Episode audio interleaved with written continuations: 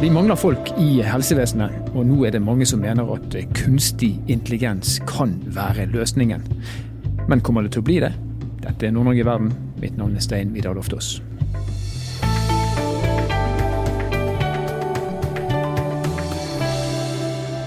Ishita Barua hun er lege, og hun har doktorgrad i kunstig intelligens i medisin. Hun har fått flere priser som KI, altså kunstig intelligens-forsker, og har vært gjesteforeleser ved Harvard Medical School. Det er jo en eh, erkjennelse i seg sjøl at da er du høyt oppe på kunnskaps, eh, ja, i kunnskapshierarkiet. Men som om ikke det er nok, så har hun også vært fastlegevikar i selveste Havøysund i Måsøy kommune i Finnmark. Og nå er vi heldige å har hun med oss her på Nord-Norge i verden, og hjertelig velkommen til oss i Skytta. Tusen hjertelig takk. Du, vi skal, eh, vi skal bevege oss eh, inn i et område som for veldig mange eh, sannsynligvis er ganske nytt, selv om alle har hørt om kunstig intelligens. Men la oss starte med det, si, et litt sånn lavt nivå. da. Vi hører ofte, og vi har hørt lenge nå, at kunstig intelligens det har i hvert fall potensial til å endre på alt. Og For oss vanlige dødelige så er det litt vanskelig da å ta inn over oss hva begrepet alt innebærer. Så helt konkret, hvordan sånn som du ser det, vil kunstig intelligens kunne påvirke helsetjenestene for meg og deg og alle de neste årene? Jeg tror det er viktig å forstå at dette er uh, egentlig verktøy som kan optimalisere veldig mange prosesser. Litt sånn som da datamaskinen kom, eller da smarttelefonen kom. Så det har eh, en mulighet til å gjøre at eh, f.eks. kliniske beslutninger som helsepersonell tar, eh, blir tatt på et bedre grunnlag. At de får støtte til å ta noen av de diagnostiske valgene som de skal ta for pasientene sine. Eh, og det er på en måte den kanskje vanskeligste oppgaven de hjelper oss med som helsepersonell. Men du har også mer lavthengende frukter, som det å på en måte hjelpe til med å planlegge turnus f.eks. Hvordan sette opp en turnus for sykepleiere og leger. Det er noe som i hvert fall før tok veldig mye tid, men som ved hjelp av noen tasteklikk med bruk av kunstig intelligente verktøy nå går mye kjappere. Eh, det har gått med flere årsverk på å få lagt en sommerkabal f.eks. Så sånne ting kan også kunstig intelligens hjelpe oss med.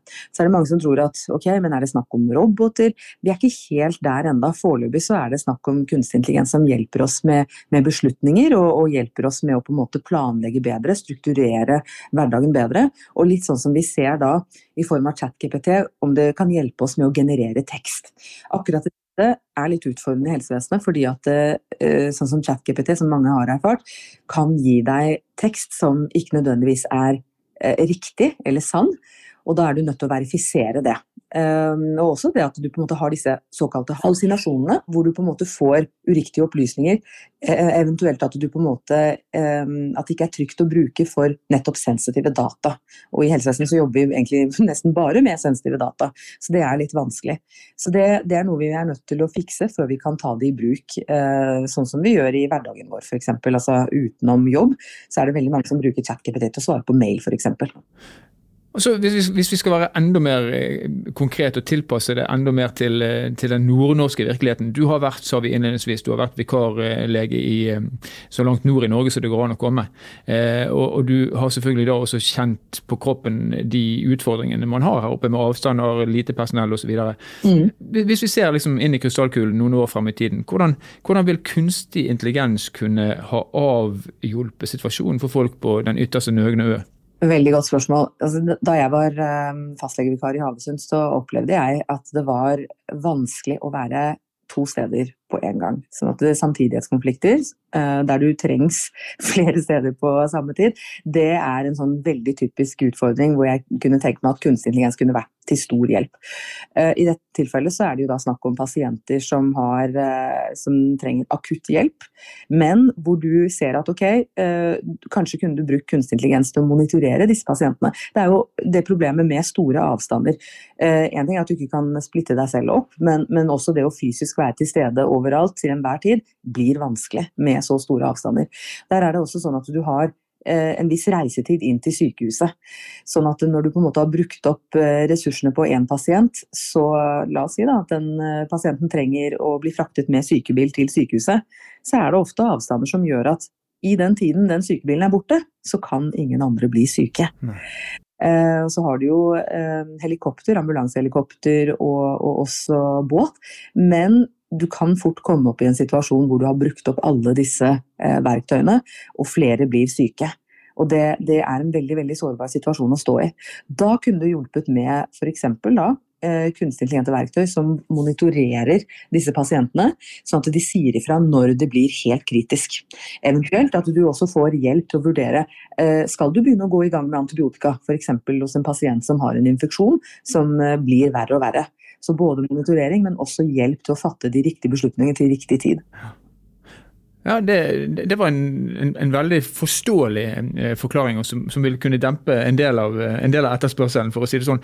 Men så er det jo et annet begrep som man ofte hører, kanskje ikke så ofte nå lenger, men i hvert fall hørte man det før.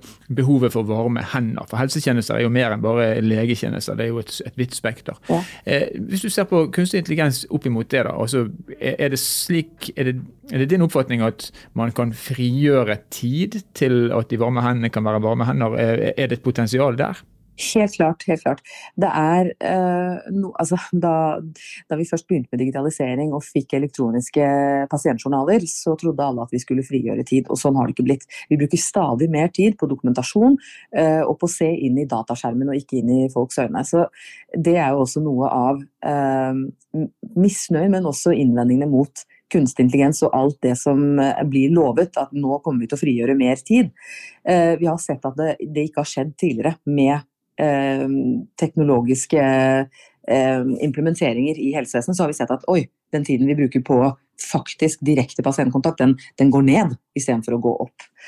Det, men jeg tror det kan bli annerledes med kunstig intelligens, fordi at det er en annen type teknologi. Det er um, en teknologi hvor, hvor nettopp disse um, veldig tidkrevende prosessene med å ta diagnostiske valg, den vil bli støttet av uh, kunstig intelligens, sånn at du får hva skal jeg si, altså Du får eh, mer tid til å gjøre de mer direkte pasientoppgavene. Altså Det å gå rundt og ha dårlige verktøy for monitorering av pasienter, det gjør at du gjør unødvendige eh, konsultasjoner er én ting, men at du også kanskje bruker tid på unødvendige ting. Bare det å ha Ta f.eks. bleiesensorer. At du har bleier som sier ifra når det er noe innhold, eller når en pasient trenger å tilses, er bedre enn at du har eh, satt opp eh, et tidsskjema for når du skal sjekke pasienten fysisk. Så det er på en måte eh, de tilfellene hvor vi ser for oss at teknologi kan bidra til å, til å gjøre at vi er i bedre stand til å bruke tiden der det trengs. Men, men det, litt, det, du sier der, det er litt sånn, for meg så er det en Eh, det er en litt motsigelse i det. Altså, vi har innført teknologi som skulle ta ned administrasjonspådraget og øke tiden med pasientene, men det motsatte har skjedd. Hvorfor? Mm. Jeg tror at det har eh, noe med for det første så Den verden vi lever i i dag er mye mer kompleks. Folk er sykere, det er flere syke. Så det, det, er en av grunnene til at det også har økt. at vi, Den gangen da vi brukte penn og papir og, og syntes at det var greit, Eh, og hadde arkivsystem, så var ikke nødvendigvis um, det, det medisinske bildet så komplekst. Så det har blitt verre. Heldigvis så har vi på en måte fått uh, dokumentasjonsverktøy som er elektroniske, men jeg tror at den forventningen vår sto ikke i stil med de utfordringene som også har kommet. Så det er det ene. Det andre er at måten vi jobber på, tror jeg også at man må gå mer inn i søvne og se er det effektivt. Er det virkelig effektiv bruk av helsepersonells tid at vi skal dokumentere på den måten vi gjør? Før så hadde man jo også eh, sekretærer på legekontorene og på sykehusene, de er i dag borte. Så legene selv må skrive eh, og dokumentere og gjøre den jobben selv. Eh, man hadde også diktafon før. Det ser man også i mindre grad blir brukt i dag. Sånn at noe av den teknologien som reinnføres med kunstig intelligens, vil utnytte disse tingene her. Nettopp dette med transkribering, som er god. Ikke sånn som er så dårlig at du må bruke mer tid på å rette det opp eh, enn på bare skrive for hånd. Så, så, disse verktøyene har også blitt bedre. Men det er, det er på en måte en, eh, en, innvending som veldig mange har, at vi har sett at det ikke fungerer tidligere. Hva er det som er så mye mer nytt og, og egentlig suksessfaktoren nå som vi ikke har hatt tidligere? Det er vanskelig å svare på, men jeg tror at den teknologien er helt annerledes. Vi ser jo også at den feilraten til kunstig intelligens den går den er lavere enn hos eh, mennesker. At hvis vi finner en måte hvor vi kan utnytte det på For det er, det er ikke snakk om at de skal erstatte oss, de skal bare bistå sånn at vi blir flinkere. Eh, jeg har jo ofte tenkt at ok, i en konsultasjon med en pasient så skulle jeg ønske at jeg kunne gå inn i et rom, undersøke pasienten, si høyt hva funnene mine er, og så blir det tatt opp, transkribert, så kan jeg gå ut av det rommet og bare se over på en tablet. Så dette riktig ut? Istedenfor at jeg må sette meg ved en PC og skrive fra scratch. Eh, det er teknologi som ikke er spesielt avansert, som finnes i dag, men som vi ikke klarer å utnytte, fordi det også er et spørsmål om dette med personvern. Er det trygt å bruke? Hvordan skal du på en måte forhindre misbruk, og forhindre at dette eh, blir spredt? Um, den type hensyn må også tas inn. Men det, det, er helt klart eh, et poeng at det der med dokumentasjon det må kunne gjøres mer effektivt. For det er ikke det at det ikke er viktig, vi må fortsatt ha det, men det må bare gjøres mer effektivt. Ja. Og Så hører jeg i det du sier at eh, teknologien kan løse ting, men vi må ønske at den skal løse ting, og vi må tilpasse prosessene. og Da er det naturlig å, å, å følge opp med å spørre hvor langt har vi kommet? Altså hvor mye, I hvor stor grad har vi tatt i bruk de mulighetene som kunstig intelligens gir oss i helsevesenet? Vi er helt i startgropen. Nå har eh, Vestre Viken eh, og Bærum sykehus har jo tatt i bruk eh, kunstig intelligens eh, på en ganske bred måte innenfor pasientbehandling. De har kjøpt hyllevare, altså de har kjøpt et eh, diagnostisk verktøy innenfor røntgen, hvor de da kan bruke kunstig intelligens til å vurdere om pasienter har benbrudd. Og det er kanskje det mest kjente tilfellet, og kanskje det første også, i Norge hvor vi nå bruker det i pasientbehandling. Mm. Så er det sånn at eh, Jeg vet om flere prosjekter i Nord-Norge hvor man har sett på om man kan bruke kunstig intelligens innenfor journalsystemer og dette med å beregne eh, operasjonstid, altså hvordan man kan eh, virkelig utnytte disse timeplanene sånn at det blir mest mulig effektivt for operasjoner, men også andre ting. Så der, jeg tror det er på vei til å bli brukt av flere andre aktører, og også innenfor litt andre områder. Dette var jo innenfor pasientbehandling og diagnostikk, men jeg tror at lavthengende frukter som bare innenfor dokumentasjon, administrasjon, planlegging, prognose, det, det vil også komme. Hvorfor går ikke det fortere? Jeg tror uh, i helsevesenet det er jo jeg liker å kalle det et høyrisikosystem. Det er veldig mange variabler som man må ta hensyn til. Og det er en høy kostnad hvis det går galt. Sånn at det er ikke snakk om at man taper penger eh, bare, eller ressurser. Det er, det er menneskeliv som, som kan eh, bli påvirket, og, og, og, man kan potensielt medføre skade på pasienter. Så Det er grunnen til at man er såpass forsiktig og går forsiktig frem. Så har du jo f.eks. legeheden som er enkeltformulert 'do no harm'.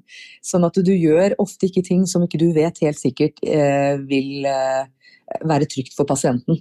Og det, det, gjør at den hastigheten er litt annerledes enn i andre bransjer. Men så må man trekke frem at helsevesenet er langt fremme. Det er få andre eksempler fra samfunnet for øvrig i andre bransjer hvor de bruker kunstig intelligens på den måten vi har begynt å gjøre nå innenfor pasientbehandling, som f.eks. på Vestre Viken og Bærum sykehus. Så jeg vil jo si at vi, har, eh, vi kunne sikkert vært enda raskere. Men eh, vi er nok blant de fremste til å ta det i bruk. Nå vet jeg at Nav eh, har brukt det i lengre tid. Ruter bruker det. Eh, så det er store offentlige aktører som har tatt det i bruk, og helsevesenet er en av dem. Mm. Så jeg syns ikke vi er så Vi er ikke dårligst i klassen, det er vi ikke. Nei, det var ikke meningen å, å, å disse det, men vi, vi, som holder til i Nord-Norge, vi står jo midt oppi denne debatten rundt Helse Nord og hvor hen man skal ha sykehus, og den evige mangelen på, på, helsepersonell. Og Det er jo en grunn til å tenke da at kunstig intelligens kan bøte på det, og, og kanskje med å kjøre opp farten så vil man ha løst problemene fortere. Men selvfølgelig, man må ikke gå på tvers med liv, det er vel det egentlig jeg hører du sier, man må gjøre det i riktig rekkefølge. Økonomien da, Ishita. Altså, det, er jo slik at eh, helse, Vi har mangel på helsepersonell, og det er dyrt å utdanne og det er dyrt å lønne og, og whatnot. Men teknologien og innføringen av teknologien har jo òg en pris. Vet vi noe om den kan du si, det økonomiske slutt, sluttsummen på dette? Det er jo tall som er litt mer generelle. Uh, Goldman Sachs uh, sa i en rapport i fjor at uh, de forventet at generativ AI, en, en underkategori av altså kunstig intelligens, at det ville medføre en global økning i BNP på Eh, var det 7 og det er ganske mye. Eh, sånn at de forventer en effektivisering som er ganske stor. Og sånn konkrete tall når det kommer til helsevesenet Jeg var med å gjøre en eh, studie innenfor tarmkreftscreening, og der så man at dette ville være besparelser hvis man tok i bruk kunstig intelligens på omtrent 10 millioner norske kroner hvert år dersom man brukte det innenfor tarmkreftscreening på å oppdage hvilke forstadier til tarmkreft som man skulle ta og å fjerne, og hvilke man skulle la være å ta. Sånn at det er et effektiviseringsverktøy som, som har et stort potensial. og Jeg tror at i starten så vil det være veldig mye som, som eh, koster i forhold til dette med infrastruktur. Vi ser at det å rigge eh, infrastrukturen sånn at vi kan utnytte denne teknologien vil være størst i starten, og så kommer gevinstene etter det. Men det er, det er vanskelig å si, og vi trenger mer forskning som sier og kommer med bedre estimater for hva, hva er de konkrete tallene. Hva forventer vi å spare, både i tid og ressurser. Men jeg tror alternativet er jo at vi ikke har nok folk. Sånn at det, det, er nok en eh, Jeg tror nok det er et regnestykke som på sikt vil lønne seg, gitt at vi bruker det på de riktige tingene. Og det er egentlig hele clouet. Hvor er det vi har flaskehalser i helsevesenet? Hvor er det vi virkelig trenger å sette inn støtet? Så tror jeg ikke det nødvendigvis er det som eh, på en måte er det mest fancy og mest banebrytende F.eks. innenfor kreftdiagnostikken. Altså det, det er ting som har veldig høy risiko og som krever store studier over flere år for å kunne se hva, hva er effekten av dette er, og hva er gevinsten i eh, kroner og ører. Det tar mye lengre tid. Så jeg har mye mer tro på at man heller skal se litt på beregninger i forhold til administrasjon og, og bruk av kunstig intelligens på sånne altså, lavthengende frukter som det der. Der tror jeg vi har en del å spare. Ja, er det der man starter òg, eller? Eh, ikke til nå. Vi har, vi har, startet i den andre enden med, med, diagnostikk. Nettopp med det eksempelet fra Bærum, hvor vi bruker det som eh, diagnostisk verktøy og klinisk beslutningsstøtte. Eh, men der var det jo en hundevare som allerede var utviklet. Og det er jo et annet poeng at hvis vi skal utvikle alt selv fra bunnen, så kommer det til å ta lang tid, og det er kostbart også. Altså det er veldig ressurskrevende. Mens hvis vi kjøper inn hyllevarer som vi ser har god eh, dokumentert effekt, og, og, vet at dette er noe vi trenger og, og, kan utnytte, så tror jeg det ville vært bedre for oss å begynne i den enden der. Også fordi at risikoen er lavere enn når du begynner med pasientdiagnostikk. Men det er, eh, det er, på en måte en avveining man er nødt til å ta. Du må kunne rettferdiggjøre den ressursbruken. Jeg har også sett tilfeller hvor innenfor tarmkreftscreening og forskning der, som har vært mitt felt tidligere, så, så har vi jo sett at eh, du må jo kunne spørre deg om effekten av å kjøpe inn eh, Eh, videoovervåkning kunne vært eh, vel så bra. For det vi ser i forskning er at eh, mye av prestasjonene til leger, den, når de blir iakttatt under forskning, den, den, går opp. Altså prestasjonene går mm. opp når legene vet at de blir iakttatt, og målt opp mot leger som bruker kunstig intelligens. Sånn at hvis du vet at du blir fulgt med på, så presterer du bedre. Kunne du da bare kjøpt inn videoovervåkning? Kunne det gjort samme nytten? Det ville vært mye billigere. Ja. Så den type studier er vi nødt til å, å gjøre for å se om vi kan forsvare eh, den investeringen som kunstig intelligens kommer til å koste. Ja. Men enn så lenge så er det områder der det helt åpenbart eh, vil gi en gevinst. Det er interessant å høre deg si det. Eh, hvis vi ser på, eh, altså Du har vært inne på det allerede, litt, dette som omhandler bruken av data. Eh, kanskje jeg skal generalisere og si helsepolitikk. Altså Helsepolitikken vi har i Norge i dag, må den tilpasses for at man skal kunne ta ut det fulle potensialet av kunstig intelligens, og i så fall på hvilke områder? Jeg tror jo Altså jeg er veldig redd for å svare at teknologien er uh, svaret på alt. At det vil løse alle våre helsekriser. Det tror jeg virkelig ikke. Vi trenger fortsatt folk og personell. Men jeg tror at uh, det er helt klart sånn at man må se på muligheter for uh, Altså der vi legger ned Eh, fødestuer der vi ikke satser på å beholde beredskap, er det muligheter som teknologi kan gi oss for å beholde noe, eller på en måte løse ting bedre. Sånn at eh, Det er et litt vagt svar, jeg er klar over det, men jeg tror på en måte at man er nødt til å se på man er nødt til å tenke over andre måter å jobbe på, rett og slett. Og Det betyr at vi er nødt til å gå inn i arbeidsluten. Hvordan er det vi egentlig jobber? Hvor er det vi egentlig Eh, har problemer som kunne vært løst med bruk av kunstig intelligens. Det er både politikere nødt til å eh, være med på, men i aller høyeste grad så er det fagfolkene som er nødt til å ta den. Det som skjer nå er at veldig mye av diskusjonene eh, skjer på et nivå eh, som er langt unna eh, gulvet, og der folk egentlig jobber, der fagfolkene jobber. Både, og jeg tror det er to, to kritiske punkter på det. og Det ene er at du kommer så langt unna eh, fagfolks mening og erfaring som du kan eh, få. Altså, beslutninger tas på et mye høyere nivå. Man involverer ikke fagpersoner godt nok. Og Det er helt viktig for at implementeringen skal være vellykket. Idet du har tatt en beslutning om at vi skal bruke kunstig intelligens, så, så, er det på en måte litt for sent for fagfolk å, å, påvirke det. Og det er de som er nødt til å være med. Egentlig så burde de ideelt sett være med i utviklingen av disse verktøyene. Når vi kjøper hyllevare, så må de være med på, på innkjøpene. Deres eh, input må være med helt fra starten av. Hvis ikke så tror jeg dette her blir mislykket, fordi dette skal inn i en arbeidsflyt som de skal være involvert i. Så hvis ikke de er involvert i den avgjørelsen, så tror jeg det her er egentlig litt dødfødt fra start. Så jeg tror det er å involvere fagfolk, involvere eh, klinisk helsepersonell fra starten av, det tror jeg blir helt viktig når disse avgjørelsene tas. Det tror jeg du har absolutt helt rett i. Eh, eh, når vi snakker om eh, politikk, så er det lett å ta sprang over til data. Jeg vet at du er en av de som har pekt på at tilgangen til data er en utfordring. Men vi vet òg at vi har samla inn data om oss. Altså det, gjør, det, gjøres jo både med vår vitende og, og nær sagt uten vår mhm. vitende. Mer data om pasienter. Hva ville det gitt oss nå i et kunstig intelligensperspektiv? Jeg tror eh, jeg må trekke frem det som er en av mine store uh, kjepphester, som på en måte er det jeg frykter. For veldig mange er jo redd for at uh, skal ta over verden og bare tilintetgjøre oss. Jeg er ikke der. Jeg tenker at det er mange andre utfordringer, utfordringer som kommer før det. Bl.a. dette med at du har en risiko for å utøve diskriminerende eh, atferd og, utfall ved hjelp av kunstig intelligens på enkelte pasienter. Og det skyldes at du har kanskje skjeve datasett. Du har samlet inn data på en eh, majoritetsbefolkning, og så trener du disse AI-modellene på dette her. Så skal du bruke det likevel på hele befolkningen, altså inkludert minoritetspersoner som ikke har vært med i treningsgrunnlaget. Sånn at du risikerer da at du har kanskje en høy treffsikkerhet for en majoritetsbefolkning, men en mye lavere treffsikkerhet på minoritetspersoner. Er det da rettferdig at du bruker dette verktøyet på alle sammen? Må du ikke da vite hvem er det den vil fungere dårligere for, og så må du komme inn med et annet tilbud for dem. Sånn at du ikke får en sånn mangel på likeverdige helsetjenester. For det vi har i dag er jo likeverdige helsetjenester. Det er det vårt helsevesen er bygget opp under. Det, det er på en måte eh, verdiene vi har lagt til grunn. Mens hvis du nå utvikler AI-modeller som virker bedre for noen og dårligere for andre, men bruker det eh, på alle sammen, så risikerer du at det, blir svekket. Det blir ikke likeverdige helsetjenester. Ja, riktig. Men la oss si at vi, at vi, etter hvert får tilgang på enda mer data, og vi får tilgang til ja. å bruke det. Hvordan skal vi forholde oss da i, i forhold til personvern, f.eks., som er viktig? Kanskje det aller viktigste området for mennesker flest er jo helseopplysningen deres. Jeg, jeg syns jo um, Jeg tror ikke lovverket egentlig er til hinder. Jeg har inntrykk av at det, vi har et ganske robust, gjennomregulert uh, helsevesen. Gode lover og regler.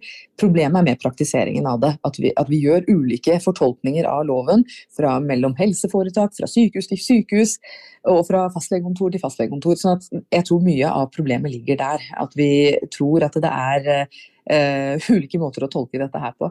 Så jeg tror jo dette her med Hvis vi får større datasett, så vil mye av potensialet for eh, diskriminering eh, bli redusert.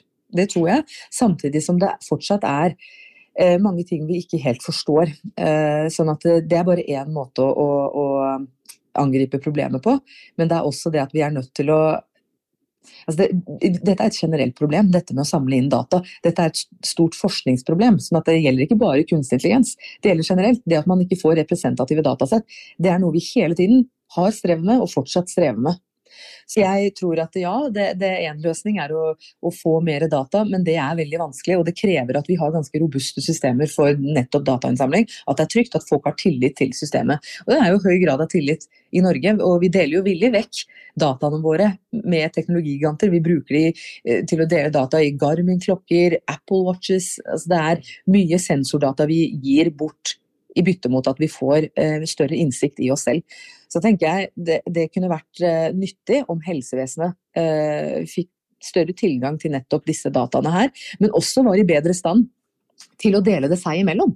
Her er litt av problemet at uh, Nylig så var jeg på en konferanse hvor det var snakk om uh, om Norge skulle dele mer data med utlandet og, og uh, forskere utenfor. Så tenkte jeg jo da, vi skal gjøre det òg selvfølgelig, men vi har problemer med å dele oss imellom. Vi klarer ikke, Noe av problemet med å utvikle AI-modeller er at det er vanskelig å få tilgang til eh, datasett med helseopplysninger. Um, og det, det, er god grunn til å være forsiktig, men det er også noe med at det reduserer innovasjonstakten. At det er så mange barrierer som gjør det vanskelig. Så jeg, jeg, tror ikke nødvendigvis at det er uh, lovverket det er noe galt med, jeg tror det er praktiseringen, tolkningen og, og hva slags tilrettelegging som gjøres for at uh, forskere skal få enklere tilgang. Så må det også nevnes at vi har noen av de beste datasettene i verden. Altså Gullet vårt er kanskje der. Uh, nye oljen, det tror jeg er blitt gjentatt så mange ganger, men poenget er at mange av disse registrene som vi har, er i verdensklasse. Kreftregisteret f.eks., uh, som er noen og 70 år nå, det er data som er koblet til kreftdiagnoser, hvor det er en kobling til individer og deres fødselsnummer. Det, det, ikke, det, har det ikke vært tidligere i andre land. I Norge har vi vært veldig flinke på det. Det betyr at vi kan følge generasjoner og individer over flere, altså gjennom hele livet deres og ha mye informasjon om dem. Dette kunne vært utnyttet bedre til nettopp utvikling av AI-modeller. Og Det får jeg inntrykk av er veldig vanskelig fra veldig mange forskere, og har opplevd det selv som forsker, at det er veldig vanskelig å komme i gang. Altså Det tar lang tid eh, fra du bestemmer deg for at du har lyst til å forske på dette, til du faktisk får utlevert data og kan begynne. Um, sånn at det å, å, gjøre noe med de prosessene der, gjøre de mer sømløse, mindre friksjon, det hadde vært noe. Og så sikkerhet, eh, for å ta det også når vi først er inne på den sensitive delen av, eh, av data. Eh, jeg hørte en podkast forleden, riktignok om politikk, der de snakka om frykten for at KI kunne generere fake news på et så avansert nivå at folk ble lurt. Hvordan klarer vi å ivare, altså Hvis vi skal ha KI-modeller som skal diagnostisere osv., hvordan skal vi være helt sikre på at ikke noen manipulerer med algoritmene og sørger for katastroferesultater? Eh, det er et veldig godt spørsmål. Ehm, dette her er det veldig dyktige folk som må jobbe med videre. Jeg tror på en måte uansett at vi kan ikke ha en nulltoleranse for feil. Det gjøres allerede feil, eh, eh, dessverre, i norsk helsevesen som på en måte vi har en tendens til å godta, fordi det er menneskelig å gjøre feil. Men hvis vi stiller det kravet til maskiner og kunstig intelligens at nei, de skal ikke gjøre noe feil, så tror jeg det er en helt urealistisk forventning. Eh, og egentlig så tror jeg vi er veldig gode på å håndtere risiko i helsevesenet. Det er hver dag. Altså Hver gang noen legger seg under kniven, så er det en viss risiko. Det er både folk og helsepersonell eh, trent til å på en måte egentlig godta. Sånn at det, det, det, vil aldri være eh, et nivå av altså hvor man ikke gjør noe feil. Det er vi på en måte bare nødt til å akseptere, og i starten så vil det være mer av det. Etter hvert som vi får mer erfaring, så vil den faren reduseres, og man har lært av det. Men, men det er klart at alt det vi kan gjøre for å gjøre dette så trygt som mulig. Er, noe av det er jo allerede hensyntatt ved f.eks. at før så kunne du på en måte ikke ha eh, altså lagret personopplysninger. Dette her med å levere det ut til andre land, det, det var kjempevanskelig. Den, eh, jeg tenker på den skremsdommen eh, som startet med at man klaget inn Facebook. Som hadde da kontorer både i USA, men også i Europa, men hvor eh, personvernopplysninger da ble fraktet eh, eh, til USA fordi at de hadde hovedkontor der, og så fikk man en rettskraftig dom på at dette var ulovlig. Og Det satte litt føringer for hvordan man skulle også utnytte dette her utenom caser med Facebook, men bare dette med personvernopplysninger som blir brukt i helsevesenet. Hvor er det du skal ha disse datasentrene eh, som lagrer så viktige opplysninger? Og så fikk du eh, en avklaring på det, eh, tror det var sommeren i fjor, hvor det kom at at du rett og slett hadde løst det problemet der. Um, så at man har en avtale um, mellom da USA, altså tredjepartsland, rett og slett. Så den type løsninger er vi nødt til å ha. Vi er nødt til å på en måte lene oss på EU, på, uh, altså på mer internasjonalt samarbeid for hvordan vi skal ivareta denne type Eh, altså potensial for, for, risiko nettopp i informasjonsflyt og, og, hvor det kan gå galt. Det er ikke noe hvert enkelt sykehus kan løse alene. Eh, og, det blir veldig vanskelig hvis man skal ta i bruk hyllevarer som kunstig intelligens, og så må personvernombudet på hvert sykehus forholde seg til dette alene. Så jeg tror at flere er nødt til å snakke sammen eh, og se hvordan er det dette her løses. Og Det er nettopp det som skjer i Vestre Viken nå. Nå skal de, Bærum sykehus gå foran og vise de andre sykehusene i samme helseforetak hvordan de har klart å implementere kunstig intelligens. sånn at det blir lettere for dem. Jeg tror det er oppskriften også når det kommer til informasjonssikkerhet og det å gjøre det trygt å dele data. Det er at man er nødt til å lene seg på andre. Hvordan går vi frem sammen for å løse det? Eh, så det var det lange svaret på det spørsmålet der. Mm. ja, takk skal du ha. Sikkerhet er selvfølgelig viktig, men vi må passe på at ikke det ikke blir en showstopper også. Det har du selvfølgelig helt rett i. Helt til slutt, eh, Ishita. hva er det første virkelig store gjennombruddet for kunstig intelligens innenfor helsesektoren, hvis jeg skal be deg om å se litt inn i krystallkulen? Eh, det som kommer. Du tenker på mm. hva som kommer senere. Mm. Uh, Jeg kan snakke litt om det som allerede har skjedd, og som på en måte ikke uh, har fått så mye oppmerksomhet. Altså, vi har jo uh, algoritmen AlphaFold som kom i 2021 og, og ble kalt liksom, det største vitenskapelige gjennombruddet i 2021 av Science Magazine. Og Det er et verktøy som uh, klarer oss å forutsi den tredimensjonale strukturen til proteiner. Grunnen til at det er viktig, er fordi at måten vi skal lage medisiner på og legemidler på for nettopp eh, sykdommer som Alzheimers sykdom, det er å vite hva eh, den tredimensjonale formen på feilfoldede proteiner er. Sånn at vi kan lage medisiner som gjør at de ikke folder seg feil. Så det er helt essensielt. Eh, det var et gjennombrudd som allerede har kommet, men som jeg tror vil være eh, noe vi skal bygge videre på i fremtiden. Altså hvordan bruker vi kunstig intelligens til å oppdage nye legemidler, bl.a. antibiotika, Eh, flere oppdage flere antibiotika i fremtiden, det, det, vil være helt essensielt for at vi skal kunne eh, bekjempe antibiotikaresistens. Altså når bakteriene utvikler motstandsdyktighet. Eh, det er det ene. Men vi er også helt avhengig av å kunne lage nye legemidler. Sånn at verktøy som gjør det enklere ved å bruke kunstig intelligens, det tror jeg vil være banebrytende. Vi ser også at vi har jo den her, altså vi har CRISPR-teknologi, hvordan du på en måte kan eh, omtrent klippe og redigere gener. Altså dette er ikke kunstig intelligens, CRISPR, men det er en annen teknologi innenfor eh, bioteknologi som er i stand til å redigere genene våre. Eh, og da tror jeg, når du bruker kunstig intelligens i tillegg til det, altså, de, vi har jo sett at ChatKPT er i stand til å uh, lage koder. Hva om vi klar, hadde klart å lage et kunstig intelligent verktøy som er i stand til å gi oss kodene for uh, genetikken vår? Sånn at vi utnytter både CRISPR-teknologien, som kan gjøre selve redigeringen, men så utnytter vi kunstig intelligens til å finne ut ok, hvordan skal disse kodene se ut, hvordan skal den genetiske koden se ut for at noen skal bli kurert for en sykdom. Det er ting jeg tror vil komme langt der fremme. Eh, så det er ikke snakk om de neste to årene, eh, kanskje ikke heller de neste ti årene, men langt der fremme så tror jeg vi kan komme dit ved hjelp av kunstig intelligens. Så dette her med legemiddelutvikling, eh, genredigering, det er der jeg tror de virkelig store gjennombruddene vil komme. Så ser vi også at innenfor Eh, den type legevitenskap som, har, som, tar for seg dette med å holde seg ung eh, og forlenge livet. Der er det også veldig mye som, eh, som forskes på. og så er det dette her med forskning som gjør at folk som har paralyser, sitter i rullestol, ikke klarer å bevege på seg. Hvordan kunstig intelligens kan brukes som tankedekodere til å rett og slett tolke hjernesignaler, og gi signaler til muskulatur, sånn at de klarer å ta i bruk muskulaturen sin og kunne gå. Det er noe som allerede har skjedd eh, i 2023, men som jeg tror vil ha en oppskalering i årene framover. At vi klarer å utnytte teknologien sånn at enda flere får brukt det. Ishita Barua, vi kan være helt klart slå fast at uh, som lege og med doktorgrad i kunstig intelligens har du valgt deg et område som er ikke bare sentralt, men som høres ufattelig spennende ut. Og vi får se hva årene kommer til å bringe. Vi har sterk tro på dette. Vi også tusen takk for at du kunne være med oss. Takk skal dere ha. Kunstig intelligens er, ja, det er et enormt potensial i det, og det er utrolig interessant. Og så er teknologien kanskje veldig kompleks, men når man hører hvordan løsningene kan bli, så er det ja, ganske mye lettere å forstå. Interessant å høre Ishita si at eh, det er kanskje på medisinsiden de store gevinstene ligger. Det må finne nye vidunder, mirakelkurer for ting som ikke vi har klart før.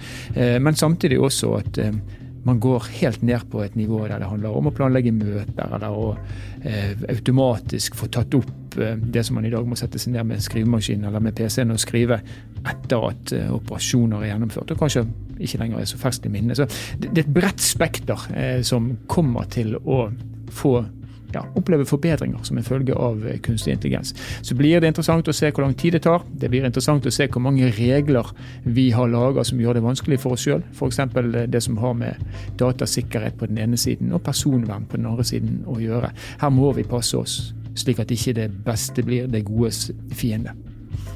I Nord-Norge, med sykehusstrukturdiskusjonen og med mangel på helsepersonell gjennomgående, så kan ikke kunstig intelligens komme fort nok. Det tror jeg i hvert fall vi skal eh, slå fast. Vi har løsninger. Det gjelder å ta det ned til konkret bruk og få det implementert. Jeg tror eh, vi har knapt sett begynnelsen på kunstig intelligens. Nord-Norge i verden kommer ikke til å bli eh, laga ved hjelp av kunstig intelligens, eh, i hvert fall ikke foreløpig. Så eh, enn så lenge så er det en podkastserie som er produsert av Sparebank1 Nord-Norge i samarbeid med Helt Digital. Musikken du har hørt er laga av Emil Karlsen. Jeg heter Stein Vidar Loftaas. Vi høres igjen i neste episode.